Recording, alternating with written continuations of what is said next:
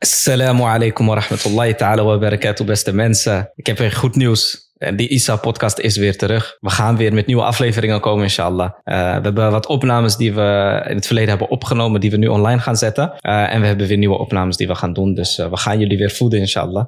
En we hebben nu een hele, hele ijzersterke podcast met niemand minder dan Ilyas El-Hadiwi. Mashallah. het is een aflevering waarbij we het hebben over kansenongelijkheid binnen het onderwijs.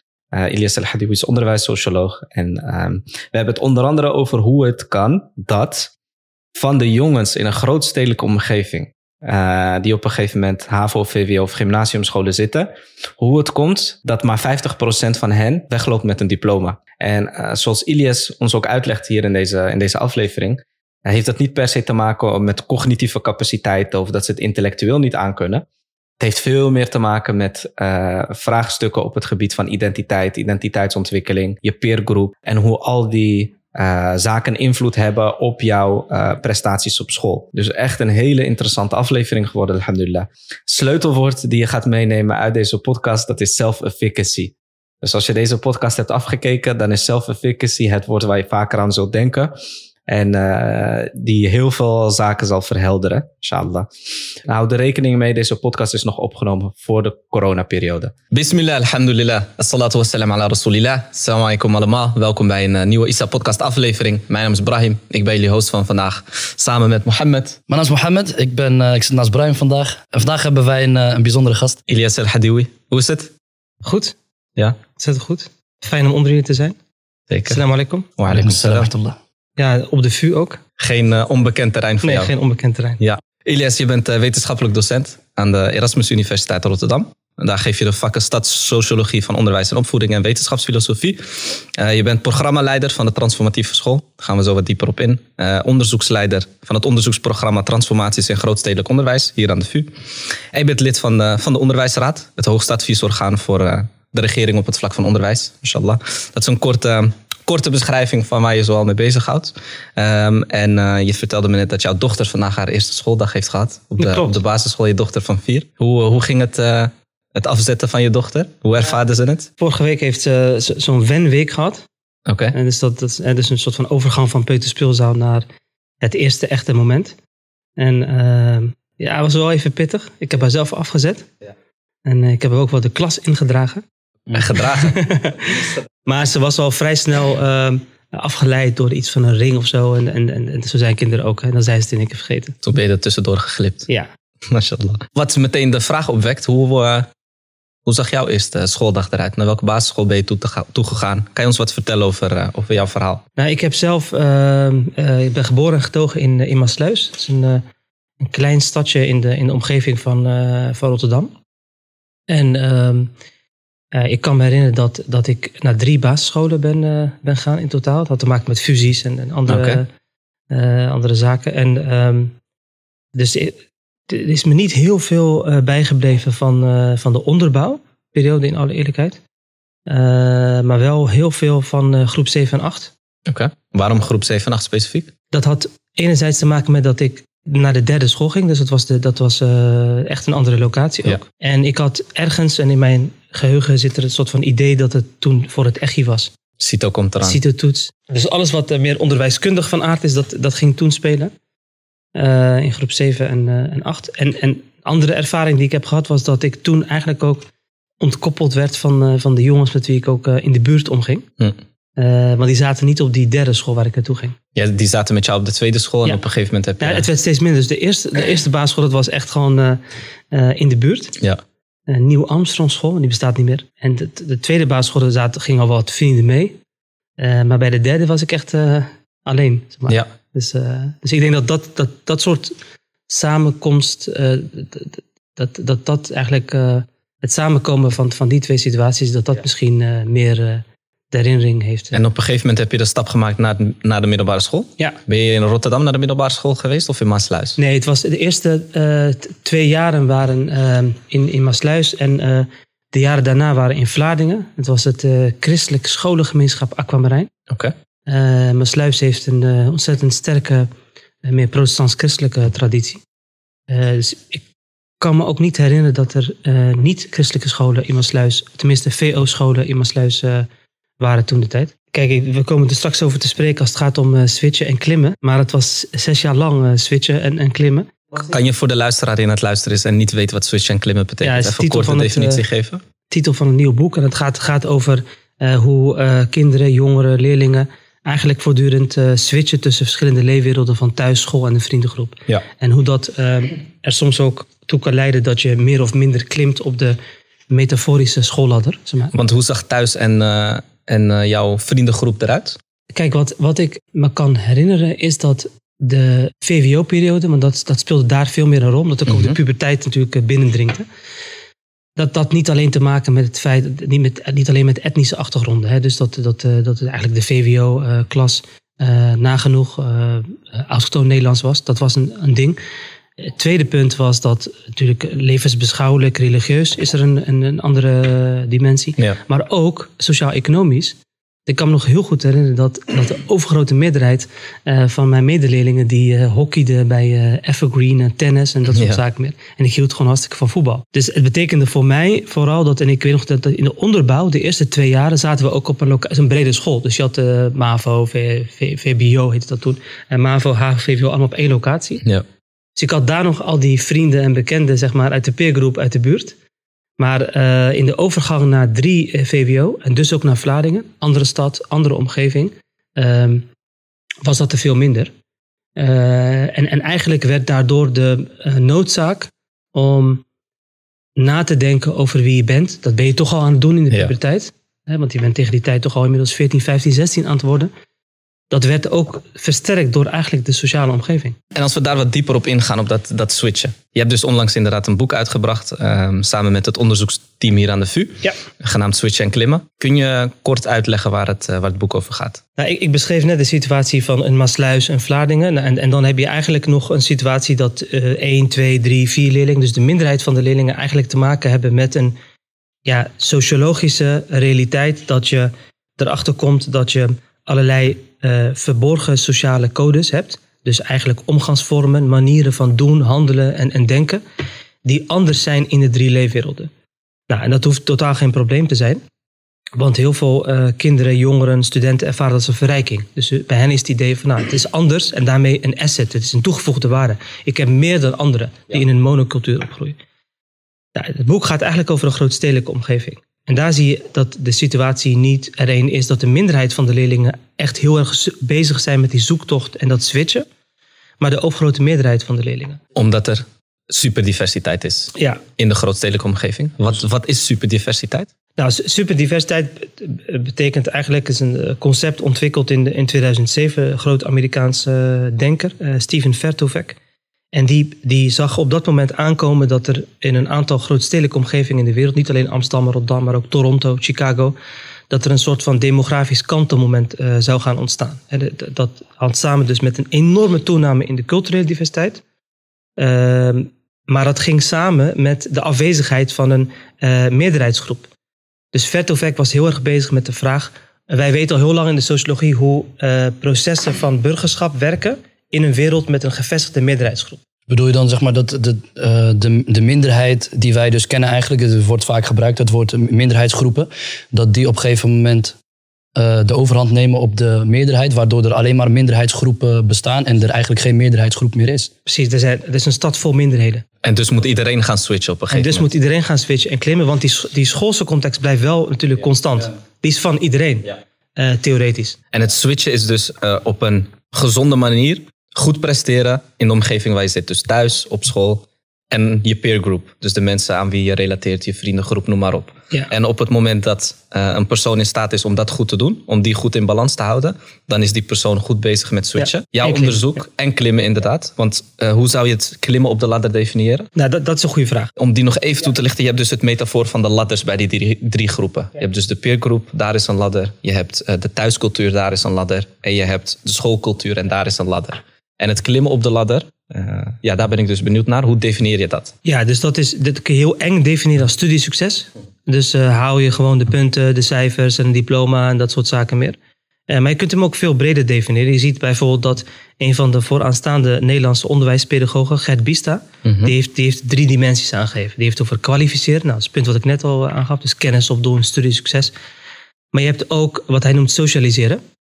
Dus dat betekent dat je eigenlijk op school klimt op de ladder doordat je de eh, codes, eh, en, en anderen noemen dat normen en waarden, maar dat is een beetje een vervuild begrip, eh, eigenlijk herkent en erkent en dat je die snapt en voelt en dat je die kunt gebruiken binnen die setting. Ja. Dus je zou kunnen zeggen dat, dat stel je voor dat je op de andere twee ladders laag blijft, thuis en in de peergroep, maar je snapt de codes op school en je klimt op die ladder, dan is dat een vorm van klimmen en, en, en socialisatiesucces. Zeg maar. Ja. En de derde dimensie die hij beschrijft is die van persoonsvorming.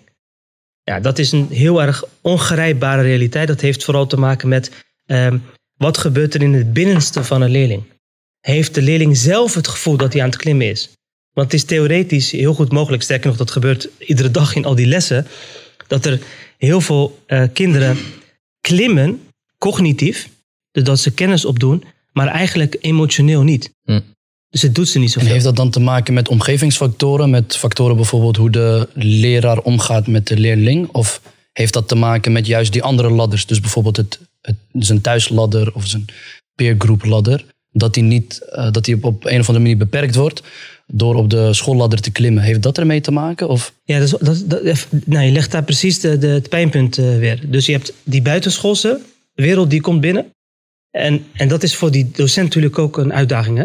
Want die, die heeft. eh, eh, de- dus je kunt zeggen dat een docent eh, in sommige gevallen prima een geloof in eigen kunnen heeft buiten de grote stad.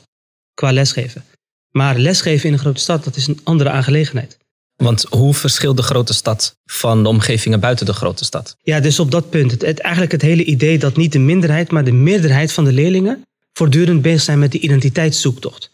En dat betekent ook een soort, een soort van, eh, in, in een wereld waarin we nu een soort van zapcultuur en weet je, als snelle, eh snelle switchcultuur, ook op dat vlak, kunnen leerlingen dus ook in een klaslokaal bepalen, als ze met 18 leerlingen zijn, dat ze op dit moment eigenlijk geen zin hebben om te klimmen op die schoolladder.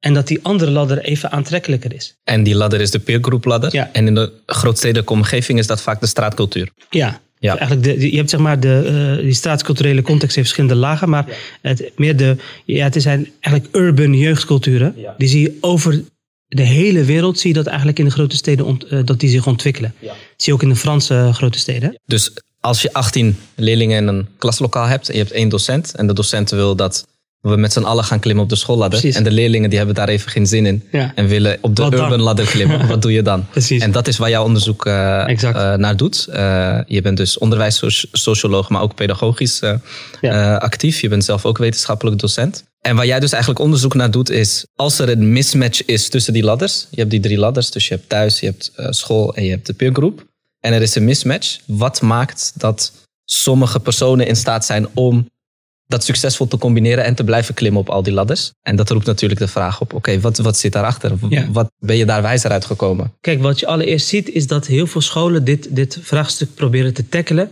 door een betere didactiek toe te passen. Dat is een- moet even uitgelegd worden. Kijk, de- de- voordat je docent wordt in Nederland leer je eigenlijk op de leraaropleiding heel erg veel over activerende werkvormen en eh, kennisoverdracht en hoe doe je dat en hoe gebruik je een smartboard en dat soort zaken. Nou, buitengewoon belangrijke dingen. Maar ehm, wij maken binnen eh, dat programma van de Transformatieve School, dus als ik docententeams begeleid, zeg maar, dan stel ik altijd dezelfde vraag. Dus dat ik zeg van, als we nu naar een lessituatie kijken en we zien dat sommige kinderen niet klimmen op de ladder. Wat, welk gedeelte daarvan wordt veroorzaakt doordat ze het cognitief gewoon niet snappen? Mhm. IQ is daar heel belangrijk. Kijk, op het moment dat er gebrek is aan woordenschat, noem maar even iets, dan kun je dat bijspijkeren. En dan is dat hele didactisch natuurlijk heel belangrijk en heel essentieel. Wat houdt het didactische in? Dus werkvormen, eh, eh, de wijze waarop het onderwijs wordt aangeboden. Hè? Hoe, hoe de docent lesgeeft. Die lessituaties die filmen wij ook. Hè? En, die, en die pellen we dan af.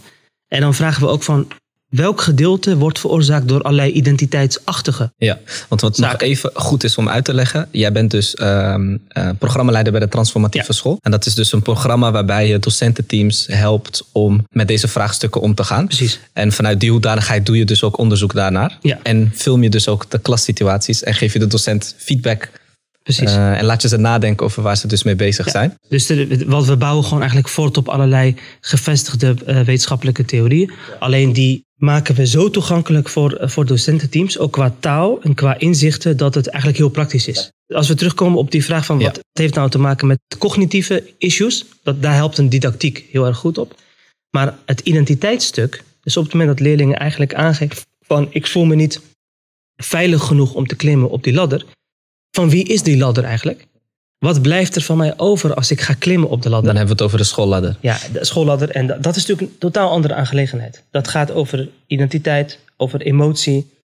En daar heeft een docent dus een andere strategie voor nodig dan, eh, dan het didactische. Want wat ik heel interessant vond, bij een van je presentaties gaf je aan dat de schoolcultuur of de schoolladder wordt vaak door feminine kenmerken Hm. Gekenmerkt. Maar de peergroepcultuur, die urban cultuur, die straatcultuur, daar is het macho-masculine is daarin heel belangrijk. Dus wat doe je op het moment dat dat botst met elkaar in een klaslokaal? Kan je daar wat meer over vertellen? Want Ja. stel dus dat je een leerling hebt in een context die wil klimmen op die schoolladder, maar die zich tegelijkertijd afvraagt, ja, maar wat doet dat, dan met mijn imago Hm.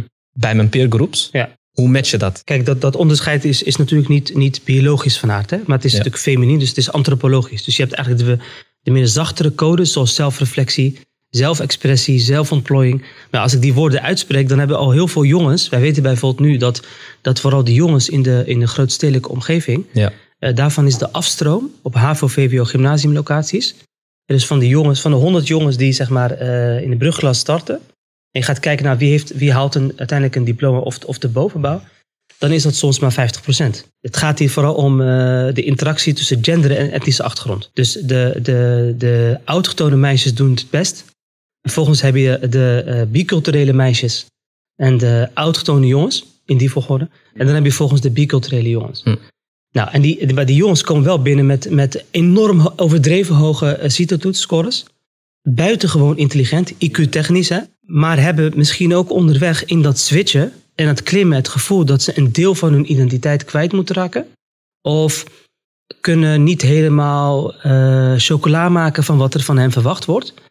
En, ehm, en, en dat betekent dus dat ze eigenlijk ondanks hun IQ afstromen. Is dat gevoel terecht? Een van de eerste lessen die, eh, die we leren binnen sociologie, hè, mijn eigen leermeester eh, Willem Schinkel in theoretische sociologie, die, die gebruikt dat. Hè. If men define situations as real, they are real in their consequences. Dus eh, is het echt, kijk, ze, eh, als zij tussen de oren dat gevoel hebben, dan is het in hun werkelijkheid echt. En dan gaan zij ook gedrag daarop aanpassen.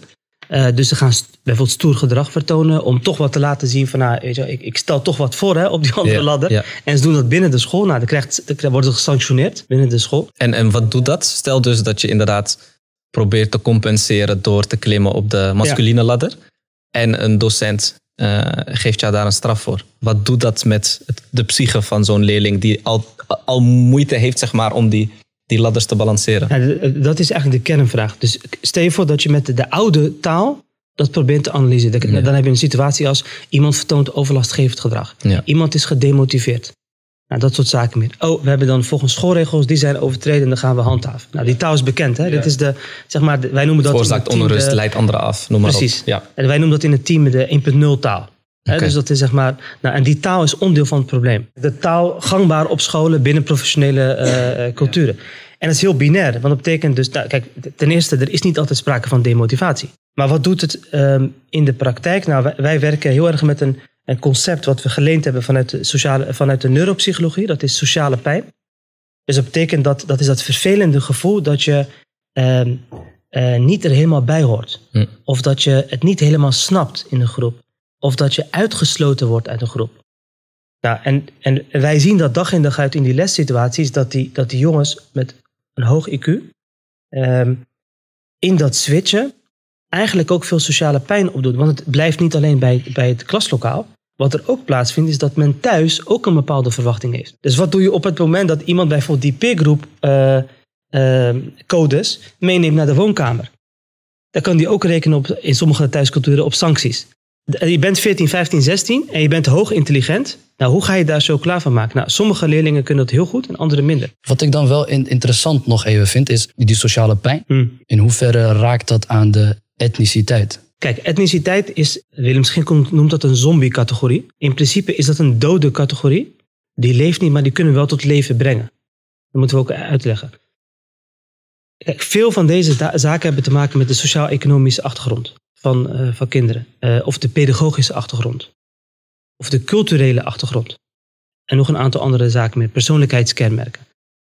Maar op scholen zie je dat, dat gebeurt in de grote steden trouwens steeds minder, omdat je te maken hebt met superdiversiteit. Hè. Je weet niet zo goed meer welke etnische label nou je nu moet pakken. Maar vooral in middelgrote steden, dus steden als Gouda, ehm, Zoetermeer, eh, Amersfoort, daar zie je dat nog heel erg veel plaatsvinden. Is veel professionals grijpen dat etnische eigenlijk aan omdat het een soort van gemakkelijke taal is om het over die andere dingen te hebben. Dus ze bedoelen eigenlijk, oh ja, er is een mismatch. Er is iets, die sociaal-economische status en al die zaken meer. Maar het wordt eigenlijk heel snel geëtniseerd. Uh, dat is een serieus probleem. Want alle kinderen die die etnische achtergrond hebben, maar die niet die kenmerken hebben die hen tot sociale pijn brengen, ja, die worden natuurlijk automatisch meegenomen in, die, in die slipstream. Dat is, dat is eigenlijk de reden waarom ik het, waarom ik het vraag. Want ik ben dan opgegroeid in, in dus, dus Leeuwarden. Eh, daar heb je nog heel erg, daar is er nog heel erg sprake van een meerderheid en een minderheid. Ja. eh, weet je, dus de- daar is geen sprake van superdiversiteit. Op een gegeven moment krijg je wel dat docenten bijvoorbeeld, die, die kwamen dan letterlijk naar mij toe. Was dan een coördinator bijvoorbeeld van, een, van, van het VMBO. En daar had ik dan een goede band mee. Hij gaf me dan eh, geschiedenisles of weet ik veel wat. En dan kwam hij naar me toe na de les en dan zei hij van, eh, zei van hey, hoe komt het nou eigenlijk dat jij eh, het wel goed doet, eh, terwijl die en die en die Marokkanen het, het bijvoorbeeld minder doen? Dus dan wordt het door de docent heel erg gekoppeld aan etniciteit. Eh, maar vanuit de benadering die je zojuist schetst, is dat dus eigenlijk niet helemaal. Heeft dat misschien te maken met de onkunde van de docent? Nou, kijk, wat, je, wat wij, eh, dat, volgens mij is het een ontzettend herkenbare situatie. Hè? Dus wij, wij maken het onderscheid in die bijeenkomsten tussen nobele intenties en improductief gedrag. Dus veel docenten hebben, no, eh, veel leerlingen ook, nobele intenties en willen met elkaar eigenlijk dat gesprek voeren. Dus het feit dat die docent dat tegen jou zegt, geeft eigenlijk weer dat hij zich veilig genoeg voelt bij jou om dat te zeggen. Dus is eigenlijk heel positief. Alleen de, de, ehm, eh, op het moment dat je eigenlijk wordt voorgesteld de, eh, de statistische outlier te zijn binnen de etnische categorie, hè? dus zeg maar het afwijkende projectiel, wat moet nu gaan beargumenteren waarom de rest niet zo is, zeg maar. Ja, dat, da- daarmee wordt in één keer een enorme verantwoordelijkheid op jouw schouders geplaatst. Ja, en, en ook een soort van stempel toch. Dat je, Ja. dat je toch het gevoel hebt. Het is heel apart, maar dan heb je toch het gevoel van: hé. Hey, Je hoort er niet eh, helemaal bij. ik- ja, ik, ik, Doe, ik doe zo mijn best. Of ik, ik, ik, doe totaal niet onderaan de rest. Ik doe het misschien zelfs beter. Ja. Maar alsnog krijg je even die stempel. En het is ook, het is ook als, als je er wat, wat langer over nadenkt, wij, wij komen dat ook veel tegen hè? Eh, in die lessituaties. Je ziet ook soms dat, dat docenten te gewichtige thema's droppen op 14, 15, 16-jarige jongens en meisjes die volop bezig zijn met identiteitsontwikkeling. En je geeft nu dat voorbeeld, maar er zijn ve- vele voorbeelden die daar eigenlijk. eh, en die soms hen pushen, die leerlingen, om een soort van loyaliteitsconflict te krijgen tussen de verschillende leefwerelden ook. Hè?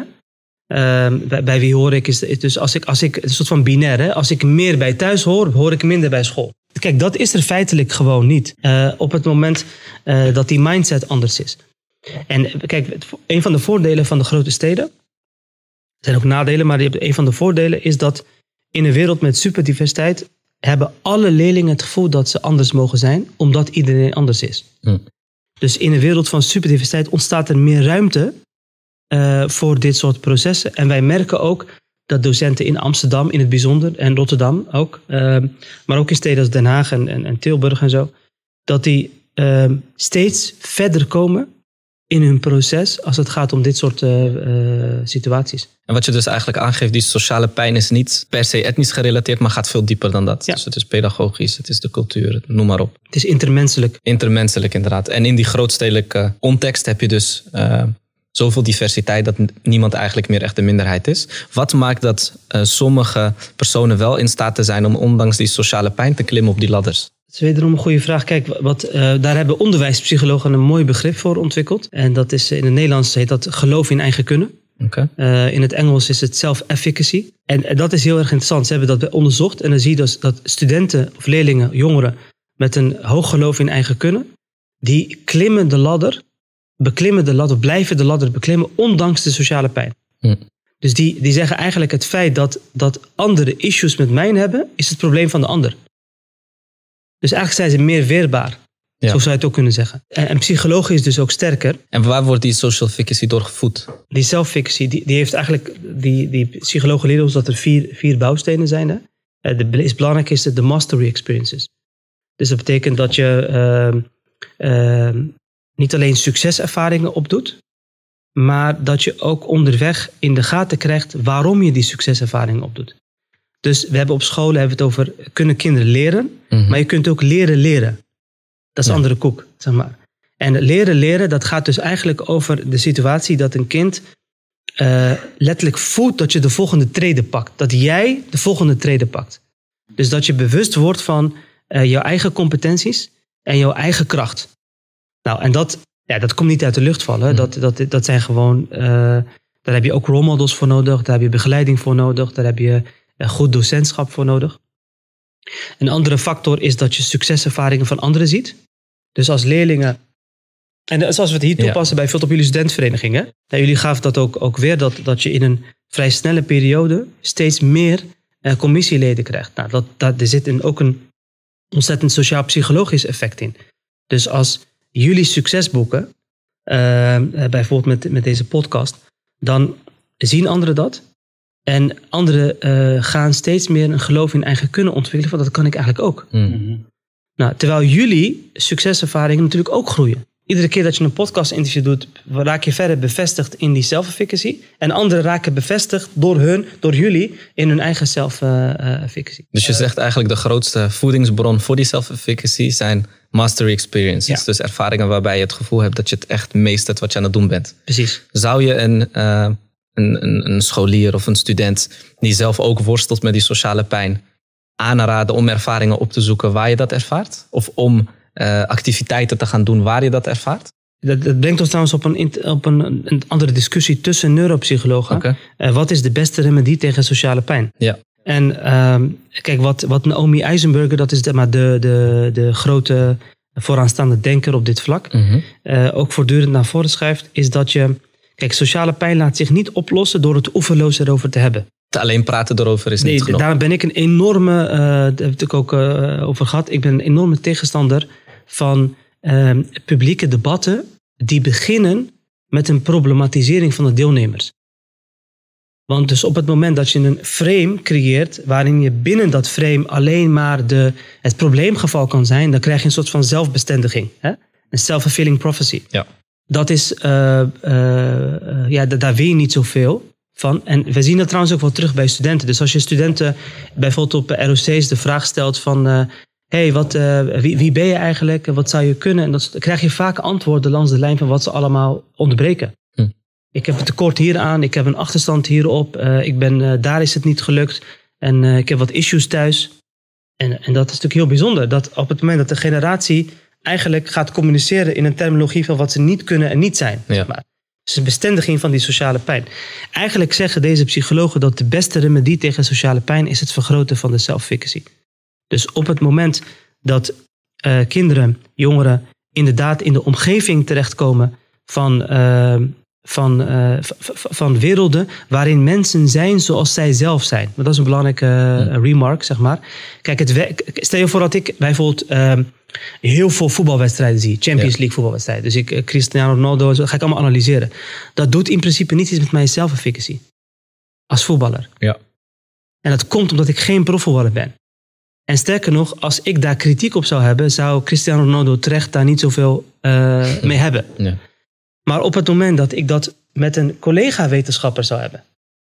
En ik zou feedback geven op zijn congressen. Terwijl jij zelf ook Terwijl wetenschapper ik wetenschap ben, dan Ja. ontstaan die mechanismen er wel. Studenten hebben dat onderling, docenten hebben dat onderling. Dus je moet wel in je eigen referentiegroep, zo noemen ze dat, eh, eh, werkt dat heel erg. Daarom zijn studentenverenigingen zo belangrijk. Dus de meest intelligente route voor een docent is dat hij eigenlijk in zijn eigen klaslokaal zoveel mogelijk binnen de groepsdynamiek tussen leerlingen onderling mastery experience eh, eh, eh, organiseert. Dus ehm, ja, hij kan zelf een presentatie in het Engels geven. Hij kan ook, bij Engels, hij kan ook ervoor zorgen dat er iedere week iemand een public speaking moment doet. Hè? In dat iedereen aan, aan, aan bod komt. En dat ze elkaar ook gaan helpen. Nou, dat is de derde factor. is dat je dus erkenning en eh, opbouwende feedback krijgt vanuit je omgeving. Dat is de derde factor bij De self-efficacy. derde factor van self-fixing. Dus de eerste was mastery experience. Mastery experiences. De tweede, Master experience zien zien. bij mensen die zijn zoals jij zelf bent. En eh, de derde is dus eh, erkenning en opbouwende feedback krijgen van diezelfde eh, personen. Ja. En de vierde, dat heeft te maken met emotieregulatie. Dus we we weten, kijk, als je faalangst hebt, Ja. dan, dan kun je je voorbereiden voor een toets zodat je een ons weegt. Maar dan moet eerst die faalangst uit de weg. Ehm, en en faal, stress en angst doen met eh self-efficacy als wat suiker doet met het menselijk lichaam. Zo kun je het eigenlijk eh, eh, bekijken. Dus, en wat Albert Bandura, dat is de, de ontwikkelaar van deze theorie, eigenlijk ons leert, is je kunt stress en angst omzetten in arousal. Positieve spanning, opwinding. Ehm, Die Ik zie- theorie heb ik ook eerder gehoord. ja, ik zie dat ook terug bij, bij als je veel congressen doet. Eh, dus je moet je voorstellen van de onderwijscongres. Nou, je, je, je rijdt eh, eh, binnen en je gaat snel backstage. En je moet over tien minuten, een kwartier moet je een lezing geven. En dan zie je ook dat de spreker voor je of achter je, dat, is, dat weten heel veel mensen niet. Maar je ziet er bijvoorbeeld ook sommige mensen backstage heel erg misselijk worden. En, en verschrikkelijk nerveus. Maar wat ze dan leren onderweg, en dat is best wel knap, is dat ze in staat zijn om op het laatste moment dat te transformeren, die stress of angst, naar een enorme eh, Boost en Ja, positieve ja, ja, ja. spanning. En dan, en dan geven ze die lezing. En als het dan lukt, zijn mastery experience, dan stijgt daarmee hun eigen eh, Self-efficacy. Ja. Vaak wordt klimmen op een ladder en het falen daarvan eh, wordt er een etniciteit aan gekoppeld. Ja. Ik ben benieuwd, hoe kijk jij naar het hele integratievraagstuk? Godzijdank heb ik eh, eh, in 2007 heeft eh, mijn eigen leermeester Willem Schinkel, nogmaals, hij was toen al een vooraanstaand theoretisch socioloog, maar ik, ik denk dat hij inmiddels de meest vooraanstaande theoretisch socioloog van, van Nederland is. Die heeft een, een ontzettend belangrijk boek geschreven, Denken in een tijd van sociale hypochondrie. En daar maakt hij een analyse van het integratiedebat. Wat houdt sociale hypochondrie in? Ja, dus hij, hij speelt eigenlijk met de geneeskundige eh, terminologie, jouw vakgebied. Ja, wat, wat hij doet is dat hij eigenlijk... Kijk, hij vergelijkt dat lichaam, met hij, hij vergelijkt de maatschappij met een eh, maatschappelijk lichaam. Oké. Dus hij gebruikt heel veel geneeskundige terminologie om de diagnose te stellen. En hij geeft eigenlijk aan dat En lichaam... dat is de Nederlandse maatschappij? Ja, precies. Nederlandse maatschappij en het integratiedebat daarbinnen. Dat is zeg maar een soort van ziektebeeld. Hè? En hij geeft aan van dat lichaam heeft voortdurend het gevoel van zichzelf dat het ziek is. Dus dan komt die hypochondrie natuurlijk, hè? maar dan sociale eh, hypochondrie. En ehm, kijk, wat, wat voor mij in 2007 eh, heel belangrijk was, was ik moest dat boek doseren aan studenten. Ja. Ja, dat is, dat, is, dat is niet makkelijk. Dat is niet makkelijk, want je moet allereerst ehm, Hypochondrie gaan opzoeken. Nee, je moet allereerst zelf doen alsof je het begrijpt. Dat is zeg maar de eerste stap. En, en, en dan, dan heb je nog de, de, de fase dat je het studenten moet uitleggen die ook dat gevoel hebben. Dus een soort van collectieve onwetendheid. Achteraf, wat ik gemerkt heb, is dat, dat, dat die paar jaren van eh, doseren daarop, wat ze met mij hebben gedaan, met mijn mindset, is dat ik, dat ik eigenlijk heel erg sterk ben gaan geloven in die centrale boodschap.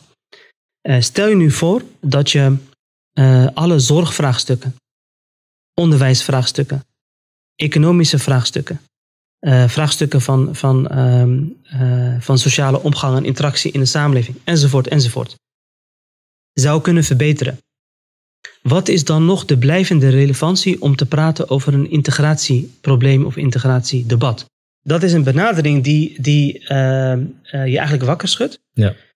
Ja, de internationale studenten aan de Vrije Universiteit hebben samen met eh, eh, al die andere studenten die met hen in de collegebanken zitten, die hebben allemaal geen integratieproblemen. Nee, daar praten ze niet over. dat, is niet waar ze mee en, bezig en Willem. Schinkel noemt dat Ja. dispensatie van integratie. Dus dat, dat, zeg maar, dat, is, dat, dat speelt daar gewoon niet. Weet je wel? Dat is daar niet aan. Maar we hebben integratieproblemen. Du moment dat we het hebben over een VMBO-locatie in een grote stad.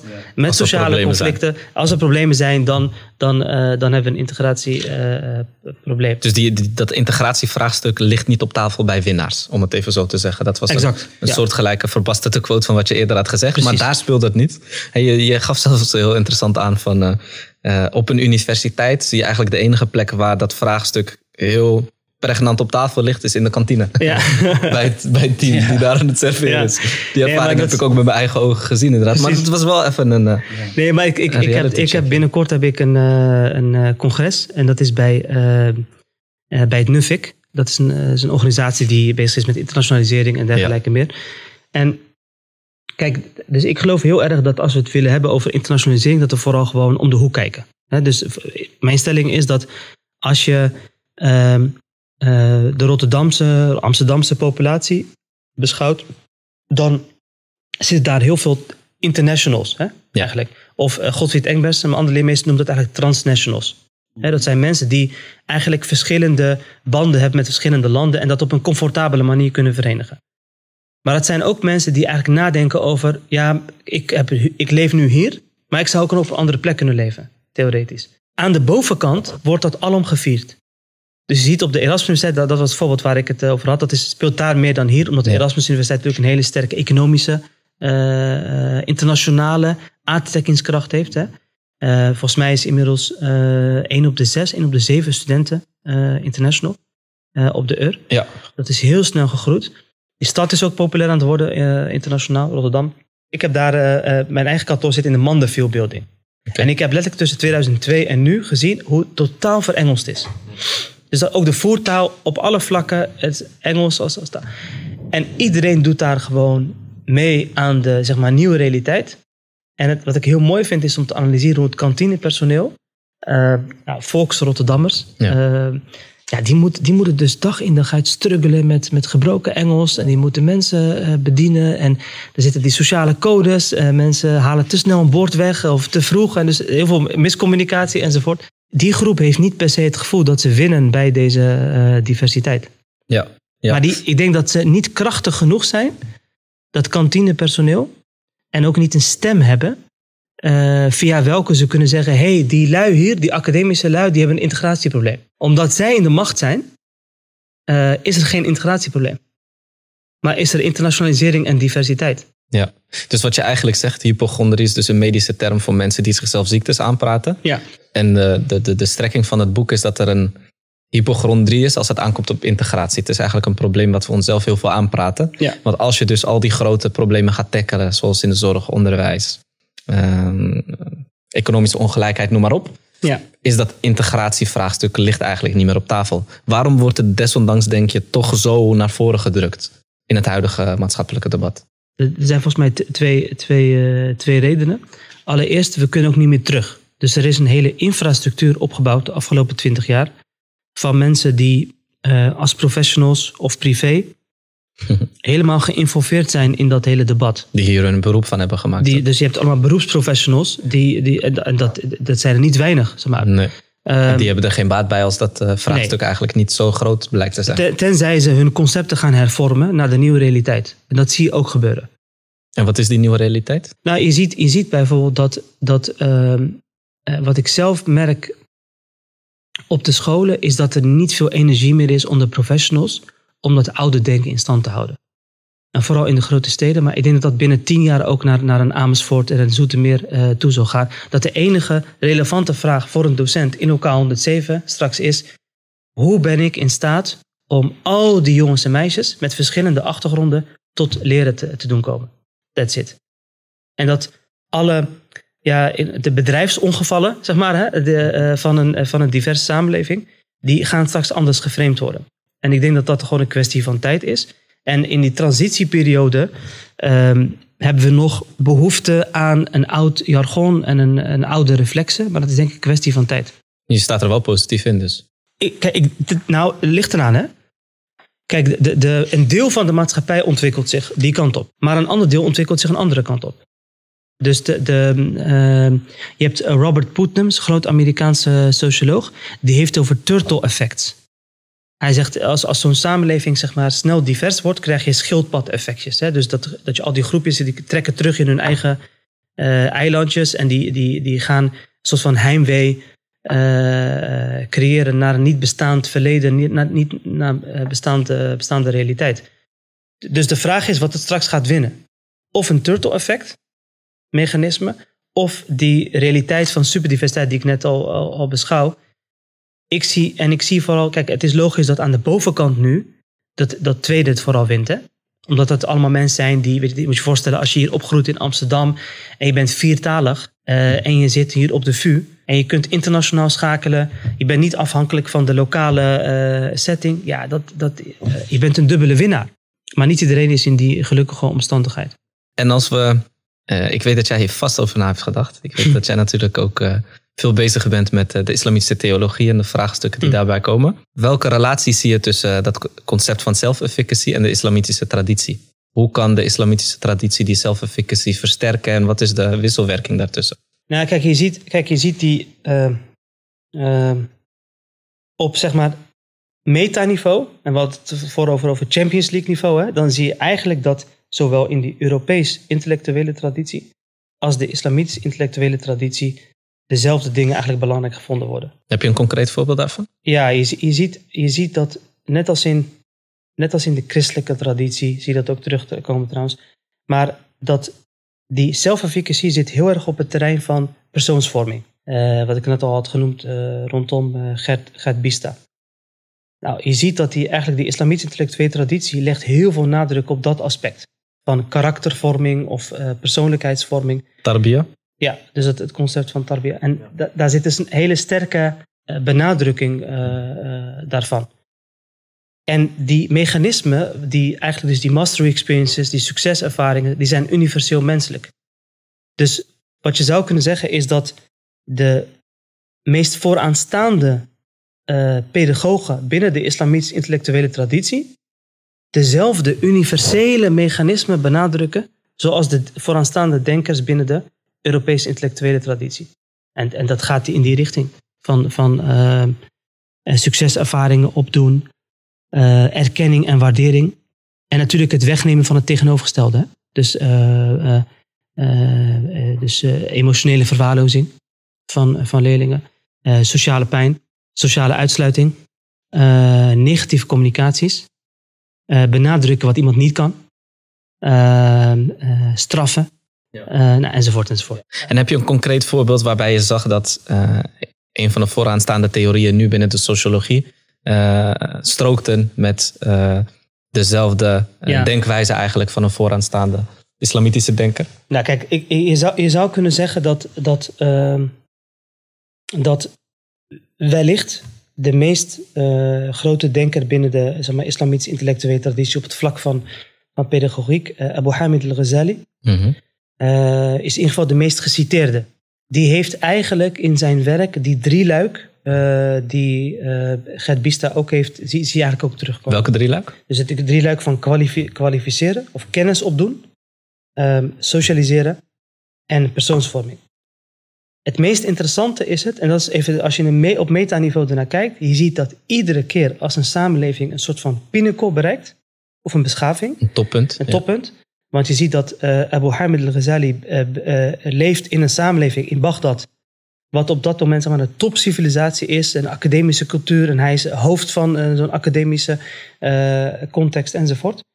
En dat zie je bij Bista ook. Je ziet dat iedere keer als dat gebeurt, gaan de vooraanstaande pedagogen zich zorgen maken over het feit dat te veel nadruk is op kwalificeren, socialiseren. En dat persoonsvorming eigenlijk te weinig plaatsvindt. Hm. En dat is bij Bista is dat ge- ge- geformuleerd in een seculiere taal. Hè? En, en bij Ghazali is dat in een, een religieuze eh, taal.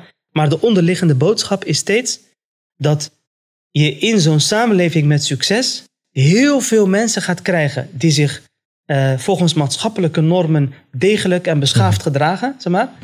Maar dat de die het vraag goed doen. die het goed doen. Ja. eh, zowel Succesvol, mooie auto, alles erop en Ja. eraan in onze context. ik weet niet ja. of het Bagdad van die tijd Nee, mooie auto's had en mooie paarden of zo.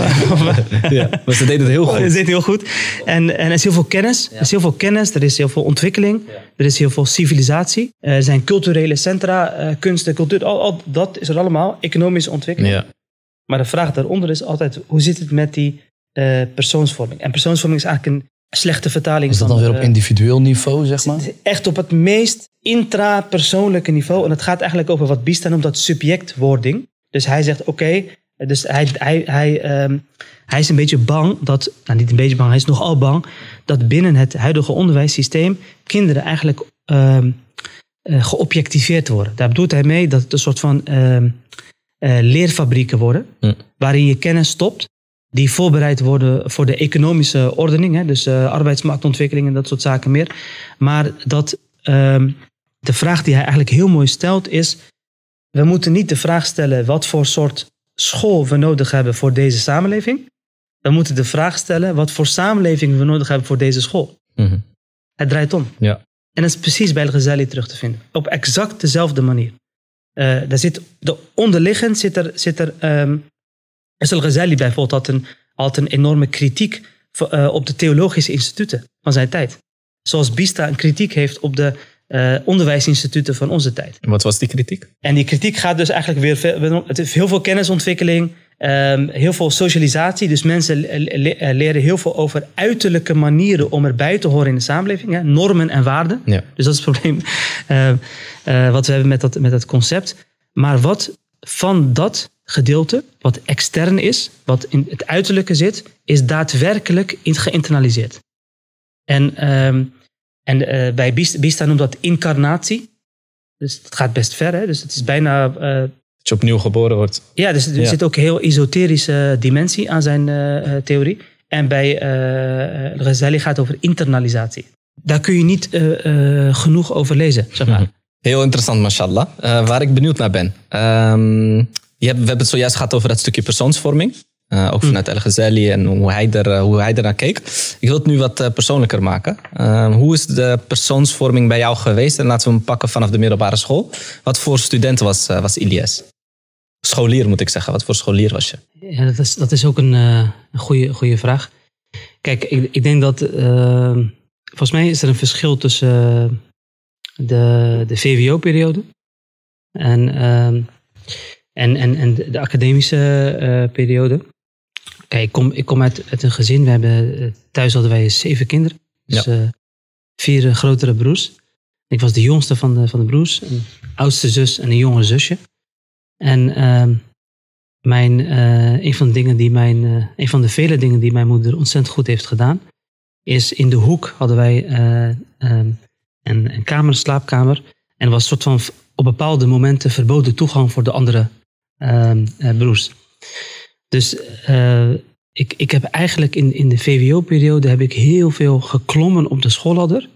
Maar ik zou bijna willen zeggen dat vanaf 4 VWO was dat eigenlijk pas bewust daarvoor was ik gewoon aan het klimmen, omdat ik ergens het gevoel had van, nou, dat, dat moet of zo. Oké. Vanuit huis ook heel sterk meegekregen? Vanuit huis ook, ja, heel, heel sterk. Het, het ging heel goed, maar het- ik had ook echt eh, twee, drie uur per dag zat ik, eh, zat, zat ik achter de boeken. Hoe is dat een gewoonte geworden? Het boeken lezen, staat dat er altijd al in? Of heb je dat jezelf moeten aanleren? Kijk, dat is eigenlijk het gekke. Het gekke ehm, het, ik ben nooit zeg maar, een romanlezer geweest of zo. Of het, was, het was gelijk zakelijk en serieus. En, eh, dus eh, ik kon eh, helemaal opgaan in cluster Tweede Wereldoorlog bij geschiedenis. Of maatschappijleer of, of dat soort dingen meer.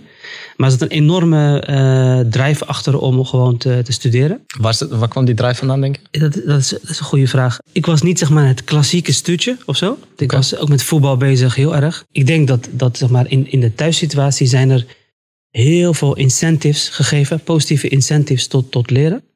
Ehm, en, en, eh, en ik heb ook oudere broers en eh, een zus die eh, eh, mij ook voor zijn gegaan, zeg maar, als het gaat om eh, eh, studies en dergelijke. Oké. Ik denk wel dat, dat als je zeg maar in een, eh, in ons geval is het toch een traditionele thuiscultuur, met ook wel toch heel veel structuur en eh, l- meer tegen het strikte aan dan tegen het eh, wat pedagogen permissieve no- noemen. Veel discipline dus ook. Ja, en eh, ik, ik denk dat, ik denk dat, eh, dat die discipline was ook gedeeltelijk ook zelfdiscipline. Dus ik, ik denk dat, dat, ehm, dat ik ook nog wel onderwijs heb gehad in een periode waar ik het gevoel heb dat, dat ik echt heel goed onder, onderwijs kreeg op het, eh, op het VWO. En ik was heel erg eh, volgens mij aan het bewijzen dat ik het wel kon. Hm. Dus er zit ook een identiteitscomponent in. Als je een analyse maakt van switchen en klimmen, even voor jullie beeld. In, in, eh, ik ben er in twee VWO 27 keer uitgestuurd. Oké. Eh, maar dat ging parallel met de achtens en negens halen. Dus het was ont- ontzettend schizofreen situatie. Ik heb ook iets soortgelijks meegemaakt. Ja? Ja? Ja, ja, ja. Ja, ook eerste, tweede jaar heel goed. En toen derde jaar, toen ging het moeilijk. Cijfers liepen niet, toen niet parallel met zeg maar eh, eruit gestuurd worden. Wel heel veel eruit gestuurd. Ehm, en cijfers waren toen ook niet heel goed, maar ik weet wel dat ik daar heel erg mee aan het worstelen was. Eigenlijk een heel concreet voorbeeld was in eh, groep 8. En dan kreeg je van die rapporten, toch? Dan kreeg je twee rapporten. Eh, en het eerste rapport van groep 8, we hadden, eh, ik, zat dus, ik ben in de Belmar opgegroeid. Ik zat op een basisschool. Heel, heel multicultureel, snap je? En, maar we hadden één Hollandse autochtone docent. Juf Ineke heette zij. Ze zat in groep 8 gaf ze les. En iedereen was doodsbang voor haar. Zij was gewoon strikt, autoritair. Eh, en nog gewoon de doemverhalen gingen al rond vanaf groep 4, 5. En wist je, op een gegeven moment moet ik langs dat stadium. Ehm, maar zij was, eh, zeg maar, de, de, de eerste helft van groep 8 was een super grote fan van mij. Echt super lovend rapport. Eh Brahim neemt informatie op als een spons, ideale leerling, noem maar op, noem maar op. Mashallah. was super lovend. Toen, op de een of andere manier, begon ik me toch. Dat, dat, dat, die reflectie heb ik nu, zeg maar. Meer te hechten aan dat, die, die peergroep en wat zij van me dachten en noem maar op. Ga je wat vervelender gedrag ga je uithalen. Je wil leuk doen, je wil grappig doen, noem maar op. En ik weet nog, bij het eerste hele lovende rapport was het, eh, was het advies was toen eh, HAVO-VWO. En toen het tweede advies boorden ze mijn gedrag helemaal de grond in. En eh, gaf ze aan van ja, je kan dan wel intelligent zijn. Maar ehm, eh, middelbare scholen vragen ook een gedragsrapport op. Als die heel slecht is, dan, eh, dan kom je er niet. En noem maar op, noem maar op, noem maar op. Heel veel slechte dingen te zeggen over het gedrag. Maar het advies was toen gymnasium. Dat stond er toen onder. Het is heel gek, snap je? Ik moet daar nu nog wel eens over nadenken. En toen zeg maar rapportbespreking was, las ze er snel overheen waar mijn vader bij zat. Was niet, ja, nee, het advies is, eh dit, gymnasium is het advies. Ehm, Green line. Ja, ja, precies. Eh, ja, maar dat merkte ik toen wel. Dus, dus inderdaad, dat die, dat die leefwerelden botsen en dat je daar wat moeilijker eh, mee om kan gaan. En ik ben heel gek, zeg maar. Dus ik zat dus eh, gewoon hartje bel maar op de, op de basisschool. Toen moest ik een middelbare school kiezen. En toen eh, had ik wat vrienden op voetbal en die gingen naar het Amsterdamse Lyceum toe. Ja. Dat is eigenlijk een hele el- elitaire school in Amsterdam-Zuid. Ja, ja. Eh, waar eigenlijk de crème de la crème, weet je wel, hun leerlingen naartoe stuurt. En toen kwam ik daar ineens terecht. En dat was, dat was switchen. Gewoon puur switchen. Bij mij ging dat ehm, eh, heel erg over eh, zoeken eh, wie je bent en, en, en waar je Kan je, staat. kan je dat traject beschrijven? Hoe ging dat traject van die persoonsvorming voor jou? Ja, kijk, je zou, je zou kunnen zeggen, nou, dat is de onderbouwfase. Nou, en dat, ehm, eh, er zijn eh, twee mensen die voor mij heel erg bepalend zijn geweest, professionals. Ik heb in groep 8 had ik eh, de directeur Harry Timmermans. Oké. Dat is ook nooit vergeten. Die heeft tegen het advies van mijn groep 8 leerkracht, die had dat uit haar eigen wijsheid het opgemaakt dat het MAVO-HAVO had moeten zijn. Nou, heel veel discussie. Ik heb die discussie ook letterlijk meegemaakt, want ik stond erbij.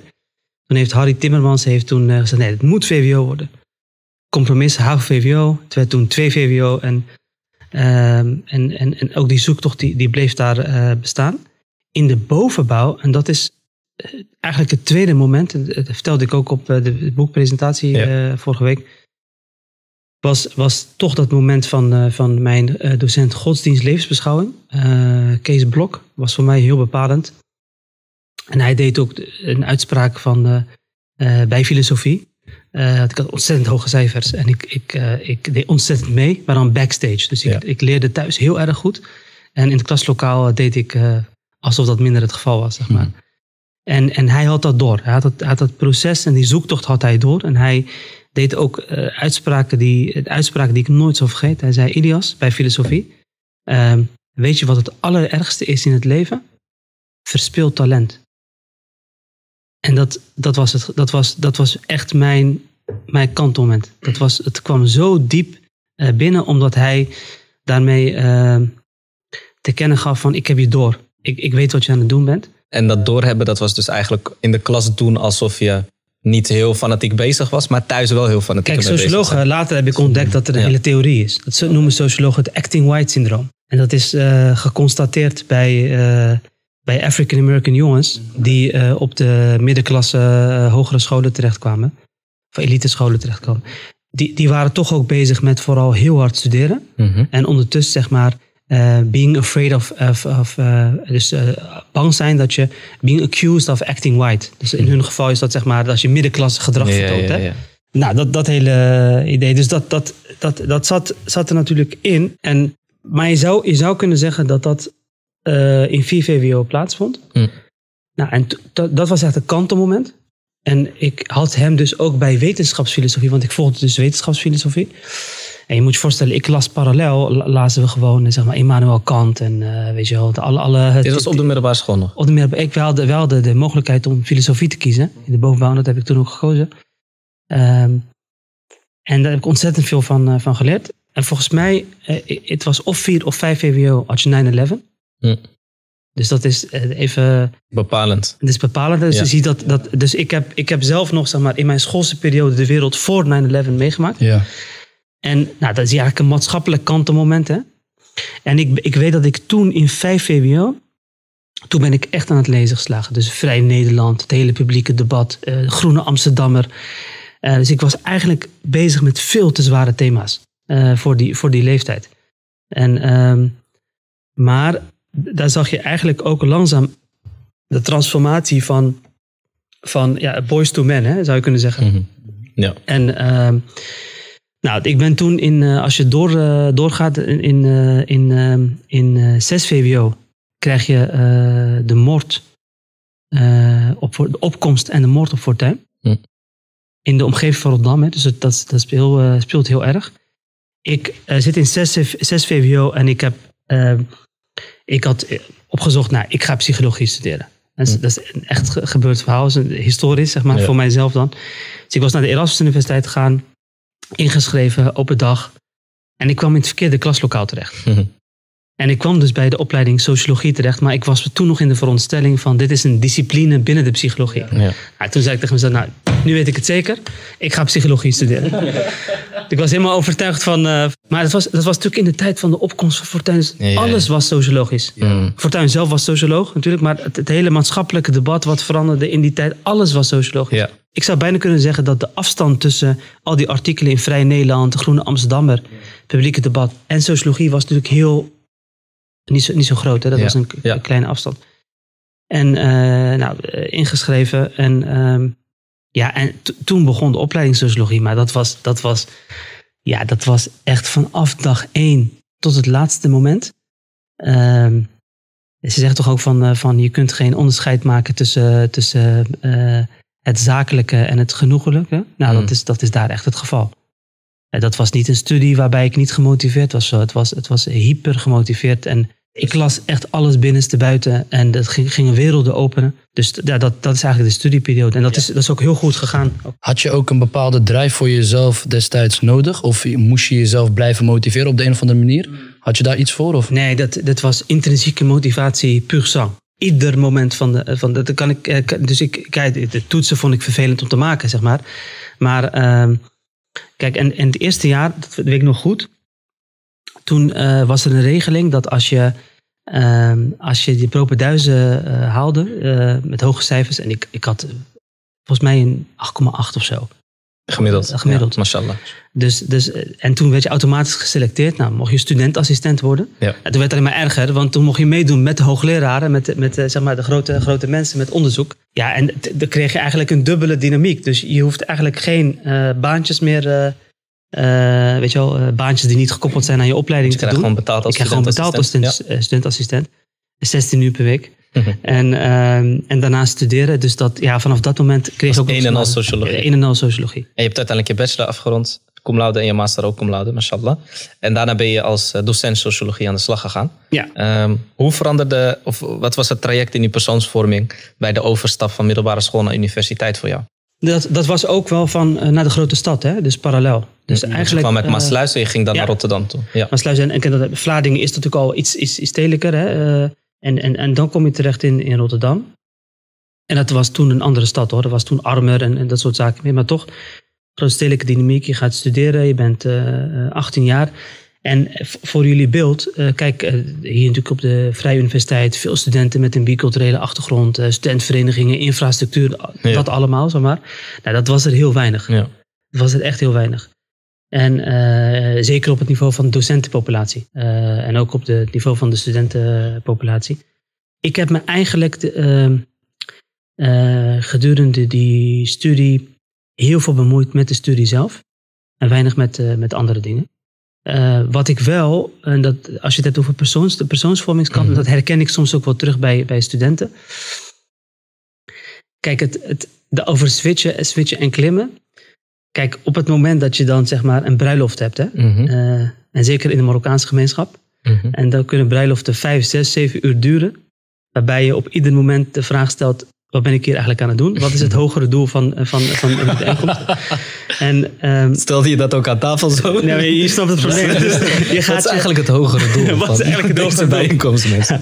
anders dan catering en eh, wachten op een maaltijd. Maar ehm, wat ik in die tijd heb moeten leren, was dat al dat interessante, dat academische, wat je daar in de studie aan het lezen bent, ja, je moet toch even switchen naar eh, de ladder van gewoon normaal doen. Ja. En ehm, nou, dat, dat, dat was in die fase ook wel eh, moeilijk, zeg maar. Is er zeg maar ook iets eh, wat ervoor zorgt dat je daarin beperkt wordt? Of dat mensen daarin beperkt worden? Dus in de, in de schoolladder. Dus eh, bijvoorbeeld dat je, het, eh, dat je uit zo'n andere thuissituatie komt. Dus zo'n andere thuisladder hebt. Dat je het op school toch minder doet op de een of andere manier. Of dat je uiteindelijk bij een plafond komt. Terwijl iemand anders met een andere thuissituatie bijvoorbeeld dat plafond niet heeft. Voor mij is, is echt het tegenovergestelde het geval. Dus ehm, wat die opleiding mij heeft geleerd, is dat ik conceptueel kon terugvechten. Hm. En, ehm, en Vecht dat- op de inhoud. vechten op de inhoud, Ja. zeg maar. Dus kijk, ik was bezig met een identiteitsontwikkeling. Te midden van een publiek debat. Na 9-11. Ja. Opkomstfortuin, verandering in de samenleving. Politiek heel erg interessant op dat vlak.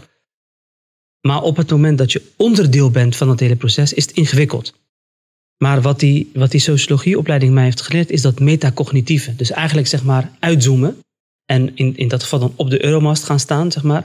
En analyseren en proberen te begrijpen wat er aan de hand is. Nou, die afslag naar dat sociologische was voor mij persoonlijk echt een bevrijding. Hm. Want je staat niet te midden eh, van allerlei processen. Natuurlijk ook wel. Maar je kunt voortdurend jezelf even je kunt uitzoomen. Ja. Je kunt Analyseren. Je kunt analyseren. Je kunt op Dingen minder eh, serieus persoonlijk nemen. minder persoonlijk nemen. Ja. En ik, ik las toen terug, terug bij eh, Sigmund Bouwman, een van de eh, vooraanstaande sociologen. Die noemde dat defamiliarisering. Dus dit, dat, die, die gaf aan in een van de eerste colleges zeg maar, waarin zijn werk behandeld werd, was van een van de eerste competenties van een socioloog is, hij moet afstand kunnen nemen van de familiar ways of thinking. Nou, en dat, dat was precies wat ik nodig had. Ja. Ehm, eh, op afstand staan van het. Dus je gaat begrijpen zonder begrip te hebben. En wat zijn die, die, die familiar ways of thinking in die tijd? Waar ook dat hele integratievraagstuk. Hoe ga ik om met mijn eigen identiteit daarin?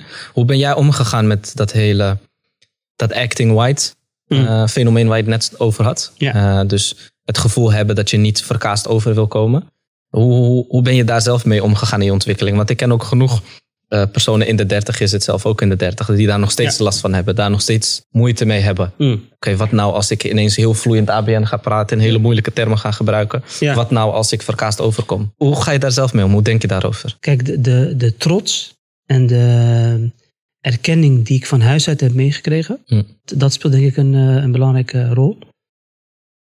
En ik heb, wat, als we het hebben over die, die self-efficacy benaderingen, dus geloof in eigen kunnen. Ik heb het geluk gehad in een omgeving opgeleid te mogen worden, zowel privé als eh, professioneel. Ja, die voortdurend bezig was mijn geloof in eigen kunnen te versterken. Aan alle kanten, op ieder moment. Ik, ik weet nog goed dat ik... ehm, ik was toen, toen 23. Toen heeft ehm Godfried Engbersen, dat is een vooraanstaande socioloog. Nou, op dit moment, dat moment weet je niet zo goed wat een vooraanstaande socioloog Nee. is. Zeg maar. Het enige wat ik wist was, nou, waarom opent hij alle congressen? Dat was toen voor mij. Van, hè, en waarom is iedereen naar hem aan het Dat zal, luisteren? zal wel belangrijk zijn. Dus hij zal wel belangrijk zijn. En hij heeft toen op een, op een aantal momenten heeft hij mij gewoon eh, colleges laten overnemen. Eh, ook aan tafels laten schuiven bij, de, bij, de, bij gemeenten. Ik heb zelfs de Tweede Kamer toen een keer mogen toespreken. On behalf of him, zeg maar. En ik was toen 23 en ik denk, wat, wat, weet je, wat ben ik aan het doen? Dus dan ga je aan het begin, alle eerlijkheid, maar gewoon doen alsof het normaal is. Hè? Ja. Dat je gaat het echt letterlijk een act eh, eh, opvoeren. Totdat je het leuk gaat vinden. En je vanuit de omgeving een stukje erkenning krijgt op dat vlak. En dan ga je natuurlijk klimmen op die ladder. Erkenning omdat je op, op inhoudelijk gebied eh, Ja. meedoet. Ja. Ja. En kijk, wat, wat, wat, eh, wat ik toch, toch ehm, ehm, eh, het voordeel van het type opleiding dat ik heb, eh, die ik heb genoten zeg maar, op de UR, van, van die leermeesters, is dat je natuurlijk ook gewoon heel veel uit je hoofd leert. Dat klinkt misschien heel ouderwets. Maar tegen de tijd dat ik aan het einde van mijn studie zat, had ik zo'n conceptueel framework, zeg maar, in mijn hoofd. Dat ik dus eigenlijk leerde van Godfried Engels en later ook van, van Willem Schinkel. Van, eigenlijk moet je je niet hoeven prepareren voor een lezing of een keynote of wat voor ding dan ook. Op het moment dat je gewoon ter plekke gevraagd wordt om iets te vertellen Moet over een thema. conceptueel zo sterk in je hoofd zitten? Het moet, het moet gewoon een thuiswedstrijd zijn. En dat, dat, ehm, eh, dat had ik toen niet door hoor, dat dat aan het gebeuren was. Maar Ja. dat was in die periode, is daar heel veel professionele preparatie heeft er plaatsgevonden. Nou, toen was ik eh 25 toen het eerste boek uitkwam. Ehm, in eh, 2011. Toen had ik veel congressen in onderwijssettings. nou, dan ga je meters maken. En dan ontstaat een vertrouwdheid. En eh, je blijft ondertussen nog steeds gewoon lezen, doorlezen. En je, je merkt ook op een gegeven moment dat er een behoefte is bij de rest, dus bij je omgeving, om allerlei ingewikkelde concepten terug te vertalen naar de praktijk. En ging er in die fase, oké, je bent 23, je mag namens een vooraanstaande socioloog de Tweede Kamer Ja. toespreken. Eh, je wordt op congressen gevraagd op je 25ste. Ging eh, in die periode de vraag door je hoofd heen, ben ik nu te verkaasd aan het worden? Oh, dat, ja, ja, ja, Ja. jouw vraag. Dat is op van. Kijk, ik heb daar eigenlijk nooit last van gehad. Oké. Als ik het even heel. eh, kijk, ik heb ook nooit. ehm, eh, kijk, ik, ik ben heel erg trots op, eh, weet je, multitaligheid, op Ja. mijn familiecultuur. Ook vanuit onze islamitische tradities, welbespraaktheid is natuurlijk iets wat, Tuurlijk, wat kijk, en, dat, die, dat zeg maar dat, dat en spelen van een thuiswedstrijd, om even zo te zeggen, Ja. en overal eigenlijk gewoon jezelf zijn.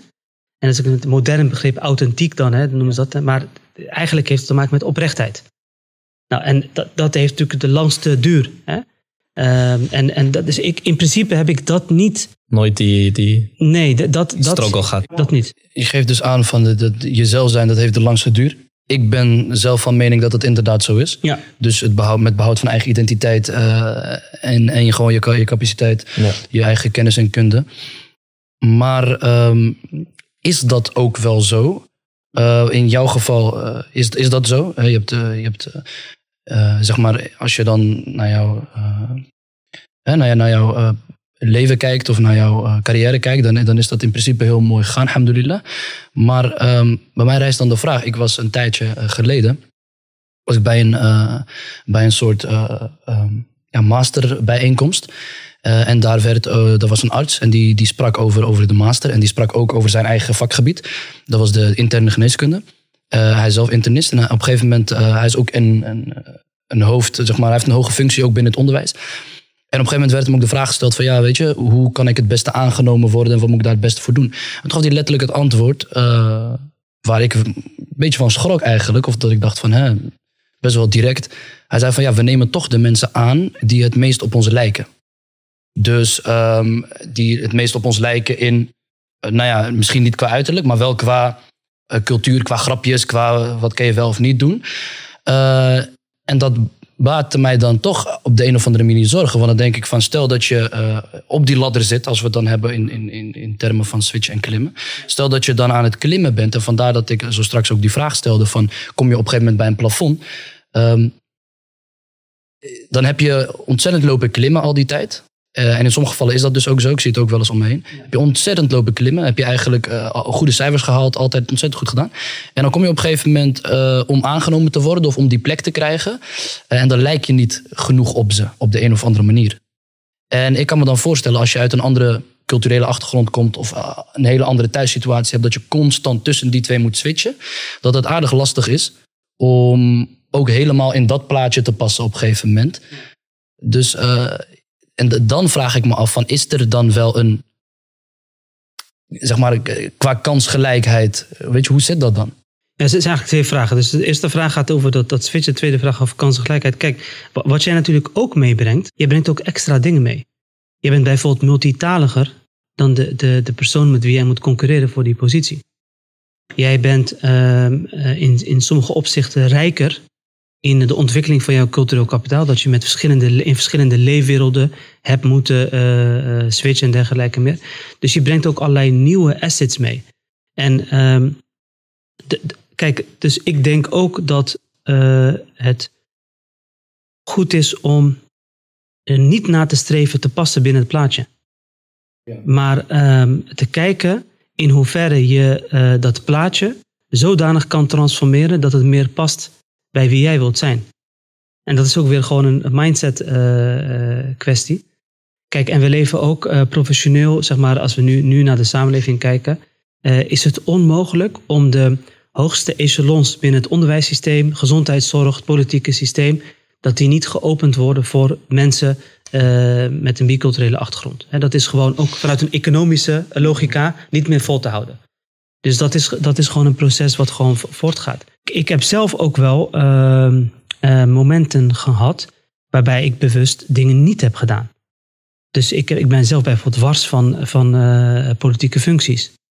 Dus ook al word je daarvoor, is de omgekeerde situatie, ook al word je gevraagd om op die ladder te klimmen, ik weet dat dat inderdaad een context is waarin je moet fitten in dat plaatje. En dat betekent dat ik te veel van mezelf ga kwijtraken. Om dat voor, dus doe je het gewoon niet. Dus daarin zit ook een soort van selectieve approach, zeg maar. Die gaat altijd weer terug ook naar die zelffictie. Hè? Kijk, en, en ik merk zelf ook wel dat de omgeving ruikt ook, ook een sterke zelfefficacy. Dus in de omgeving zie je ook wel mensen die uiteindelijk vriend en vijand zullen uiteindelijk wel ook respect hebben. eh, op het moment dat je gewoon professioneel echt je best doet. En eh, ook misschien dat extraatje kan, kan, eh, kan geven eh, op, dat, eh, op dat vlak. En wat ik heel interessant vind op dat gebied van self-efficacy is. Onderdeel daarvan is dus eh, mastery experiences hebben. Dus Mhm. ervaringen hebben waarbij je het gevoel hebt dat je wat je aan het doen bent eh, meestert. Ehm, het is ook een kwestie van jezelf plaatsen in posities waar je tot die ervaringen Precies. komt. En ik heb dezelfde ervaring gehad, niet om op te scheppen wat dan ook, maar bij ISA. Ik begon als IT'er. En Zuber is mijn getuige. Ik miste kapot veel deadlines. Maar ik was IT'er, ik had niet heel veel verantwoordelijkheden, maar ik miste heel veel deadlines. En ik heb een opleiding informatiekunde gedaan, dus ik dacht, ah, sluit mooi aan. Ik kan een beetje de kat uit de boom kijken in het begin bij ISA. En eh, op een gegeven moment komt dan die rol als voorzitter en daar stap je dan in. En eh, toen pas merkte ik dat ik daar, heb je veel meer verantwoordelijkheden, maar veel minder de deadlines aan het missen was dan ik voorheen deed. Dus ik merkte eigenlijk, ik, kwam in een, ik werd in een positie gezet waarin ik kon bloeien, als je snapt wat ik bedoel. Dus ik merkte van, oké, hey, hier begon ik, daar begon ik echt die self-efficacy ervaringen te, te ervaren. En dat, dat leerde mijn hele wijze les dat je jezelf moet kennen één en daarna jezelf moet plaatsen in situaties waarbij je weet, oké, hier kan ik schitteren. Ja. Eh, en dat heb jij binnen de sociologie prima gedaan. Jij, jij zag als student van, oké, dit is mijn domein, hier ben ik in aan het bloeien, hier ben ik in aan het excelleren. Dus dit is ook het domein wat ik, wat ik ga verkennen. Ja, dat brengt ons eigenlijk terug ook naar zijn vraag over Ja. kansengelijkheid. Hè? Dus Ja. kansengelijkheid gaat niet alleen over kansen krijgen, Ja. maar misschien veel meer over kansen pakken. Hè? En, en daar zit zeg maar een heel belangrijk, heel belangrijk eh, Mhm. eh, vraagstuk. Kijk, kijk het, kansengelijkheid puur zang bestaat niet. Want ehm, de kinderen van de upper middelklasse in iedere samenleving krijgen allerlei ongeschreven sociale codes mee. Sociologen noemen dat cultureel kapitaal. En het lastige daarvan is dat zijn verborgen codes. En ehm, als je tot die kringen behoort buiten de school, Ja. leer je die codes herkennen. Je leert ehm, het op de juiste mo- momenten hebben over geld en op een ander moment te zwijgen over geld. Je leert een specifieke humor in specifieke settings. Je leert hoe je presentaties moet geven. Je leert ehm, om op het moment dat iemand ehm, binnenkomt in een vergadering en veel te laat is, te zeggen: We hebben je gemist. Fijn dat je er bent. Hm. In plaats van je bent te laat. Hè? Eh, dus het zit in heel veel subtiele sociale codes. En dat betekent dat je vanaf de dag dat je geboren wordt, in die setting, eigenlijk loopt de teller al op. En op het moment dat je niet in die setting bent geboren, dan moet je via allerlei routes, Dan loop je achter. eh, zeg maar, ja, je loopt eigenlijk Dat achter gebied, ja. op, dat, op dat specifieke Ja. Dus kansengelijkheid als een soort van objectief iets, dat, dat bestaat niet. Wat er wel aan de hand is, is dat die, en dat is eigenlijk ook de boodschap die we in Switch en Klimmen vooral proberen mee te geven. Je kunt op twee manieren erin staan. Je kunt zeggen, hé, hey, ik heb dus een achterstand opgebouwd.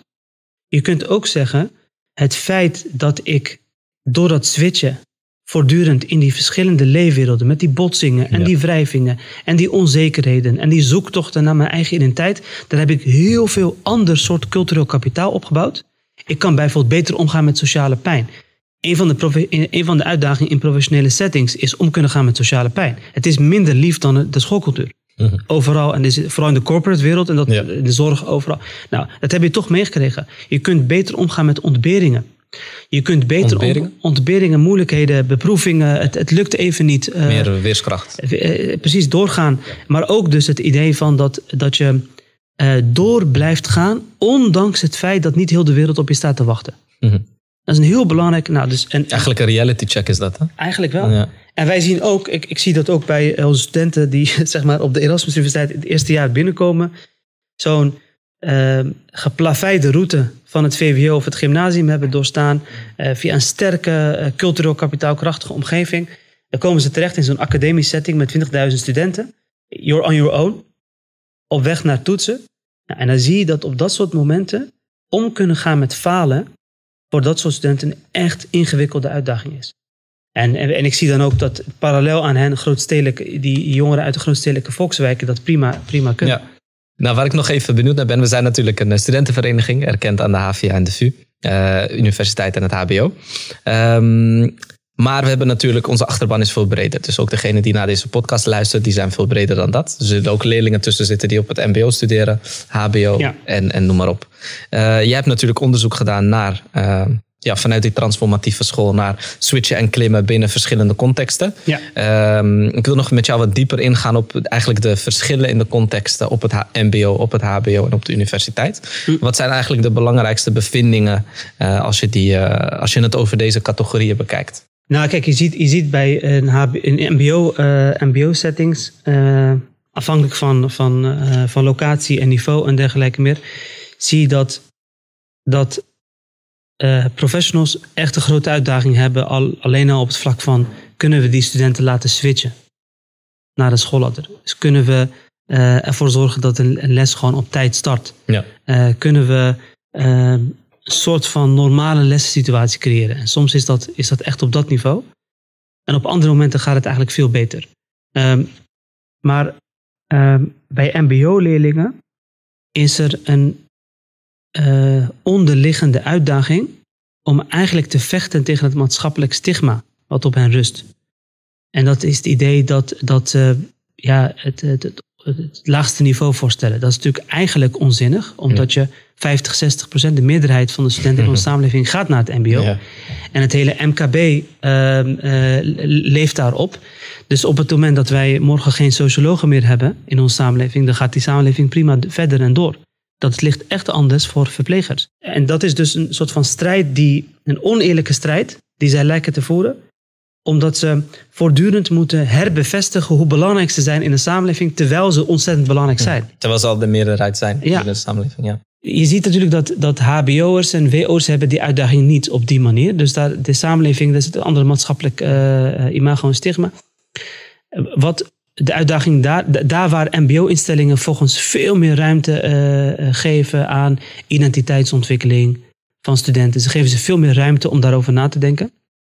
Ruimte dat- in de zin van dat het bespreekbaar is in de lessen? Of Ja, en je hoeft niet perfect te zijn. Je, je krijgt een zeventiende kans als het nodig is. Hè? Dat, dat soort ide- ideeën. Dan zie je toch dat de academische cultuur is strenger en strikter. En straft meer af. En geeft ook eerder aan van ja, als je het niet redt, dan hoor je er blijkbaar niet bij. Dus, dus daar zit een. Dus je zou, je zou kunnen zeggen dat de grootste uitdaging voor MBO-leerlingen is vechten tegen dat maatschappelijke eh, stigma of imago. Tegelijkertijd is er meer inclusie. Het is inclusiever. En in WO-contexten ligt dat precies omgekeerd. Dus een academische student hoeft niet te vechten tegen een maatschappelijk stigma. Maar moet veel, wordt veel meer op de proef gesteld om voortdurend dat switchen naar een andere realiteit. Vooral als je de eerste bent in de familie, ook nog, die dat eh, voor elkaar moet krijgen. Dat is een knappe uitdaging. Ja. Waar ik nog even benieuwd naar ben, is. eh, je hebt natuurlijk heel veel, heel veel dingen gedaan in, je, in, de loop van je carrière. Maar waar heb je zelf het meest eh, uit geleerd? Wat, waar, waar heb je de grootste leercurve uit, uit kunnen halen? Ja, kijk, ik heb, ik heb de, eh, de, de grootste leercurve in het verleden zat hem eigenlijk in hoe ga ik die, al die wetenschappelijke concepten terugbrengen. En dan sta ik voor 30, 40, 50, 60 docenten.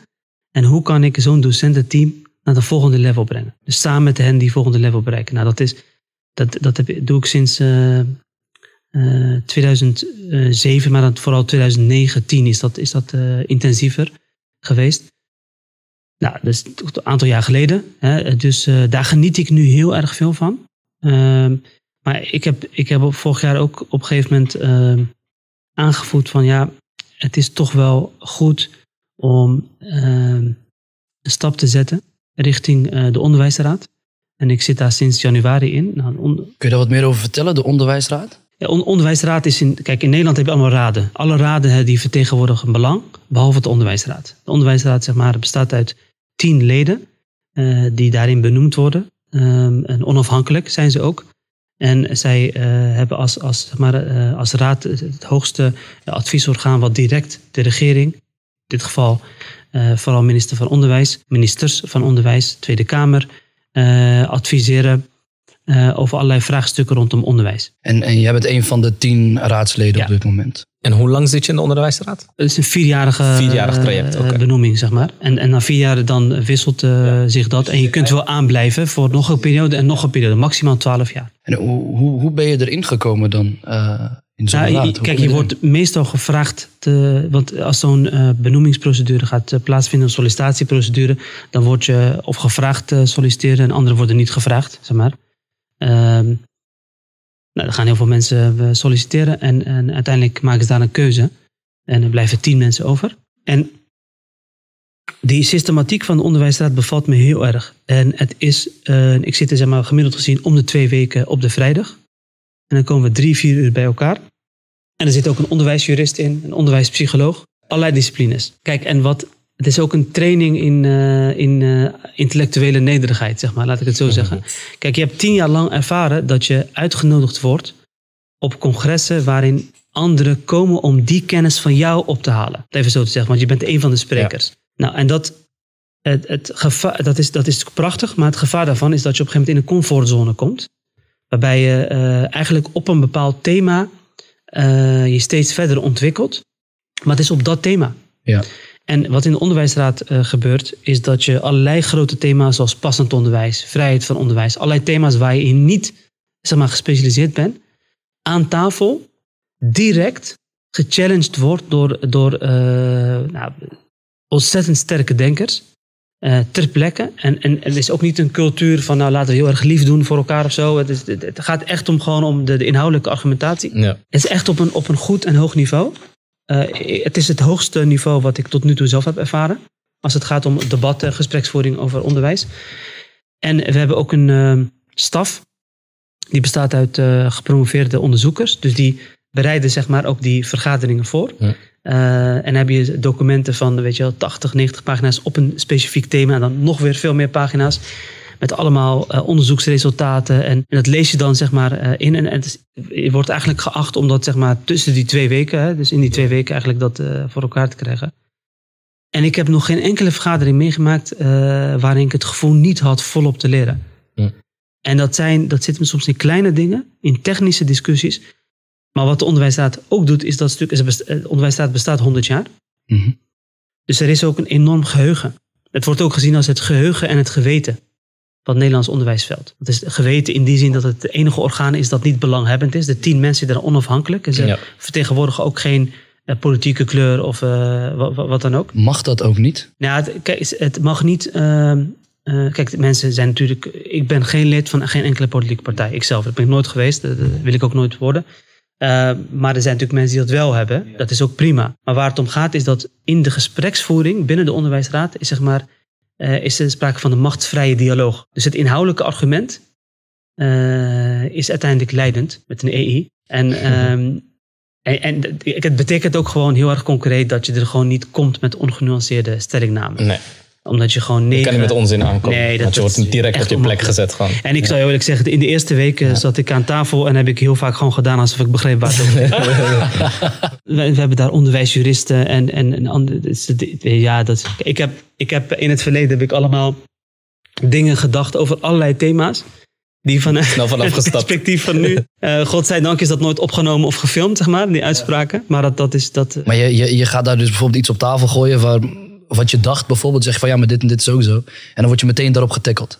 Ja, Moet ik zo voor Nou ja, kijk, kijk, kijk, bijvoorbeeld op het kansengelijkheidsdebat, daar zit ik heel goed in. Dus da- daar zie, daar zie je ook dat, eh, dat de, de tien mensen weten van elkaar ook waar ze, waar ze goed in zitten. Ja. Dus dat, als het op kansengelijkheid aangaat, dan, eh, dan zullen collega's, collega-raadsleden ook wel gewoon eerder naar jou kijken om te vragen van, eh, klopt dat? Is er een bepaald perspectief? Missen we iets? Maar als je het bijvoorbeeld hebt over passend onderwijs, waar bijvoorbeeld ook een hele sterke eh, diagnostische route in zit. Hè? Van, eh, dus eh, eh, welke aandoening Mm. moet een kind hebben om niet meer in een generieke, reguliere klas te Ja. kunnen zitten? Nou, dat is heel erg een, een, een diagnostische, eh, Meer geneeskundig. geneeskundig, psychiatrisch. Als we richting de, de, de afsluiting gaan. Ja. We willen altijd afsluiten met eh, toch wat, wat, wat advies van jou naar een eh, scholier of een student die nu aan het luisteren is. Ehm, welk advies zou jij geven aan een scholier of student die misschien nu ehm, eh, moeite heeft met het switchen en het daarmee omgaan? En misschien moeite heeft met van alles en nog wat. Wat is jouw advies naar, eh, naar, deze, naar deze student toe?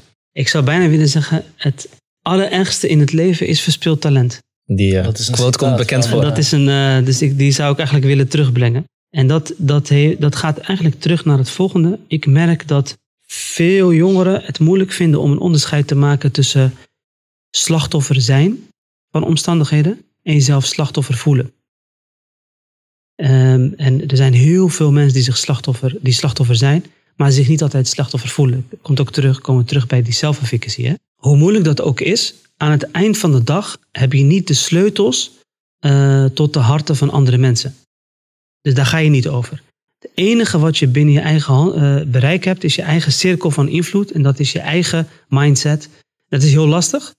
Eh, maar uiteindelijk is er wel een soort van vaststelling, een constatering van de bal ligt bij jou. Jij bent aan zet. En ehm, doe je best, doe meer dan je best. Ehm, en, en, en, eh, en verspil talent, dat is het ergste wat, eh, wat er is. Nee, dank voor, voor, het, voor het enorm mooie gesprek. Het, Graag gedaan. Wat mij betreft niet een, niet een interview. En ik, ik denk zelf dat, dat als we het hebben over werken aan die mindset, ja, dan heb je natuurlijk ook een infrastructuur nodig. En, en volgens mij zijn jullie dat heel erg aan het doen met deze podcastserie. Waarbij jullie eigenlijk erin slagen het normale op tafel te brengen. Dus eh, niet per se eh, eh, spectaculaire dingen, maar ja, eigenlijk de, de doodnormale professional of student, zeg maar, tonen, daar in gesprek mee te gaan. En, en ja, volgens mij is dat, is dat het, het mooiste wat, wat je kunt doen. Dankjewel. Dus ga ermee door Gaan we zeker doen, inshallah. Gaan we met deze woorden afsluiten. Bedankt voor het kijken en luisteren. Uh, سبحانك اللهم وبحمدك أشهد أن لا إله إلا أنت أستغفرك وأتوب إليك والسلام عليكم ورحمة الله Alaikum salam, jongens.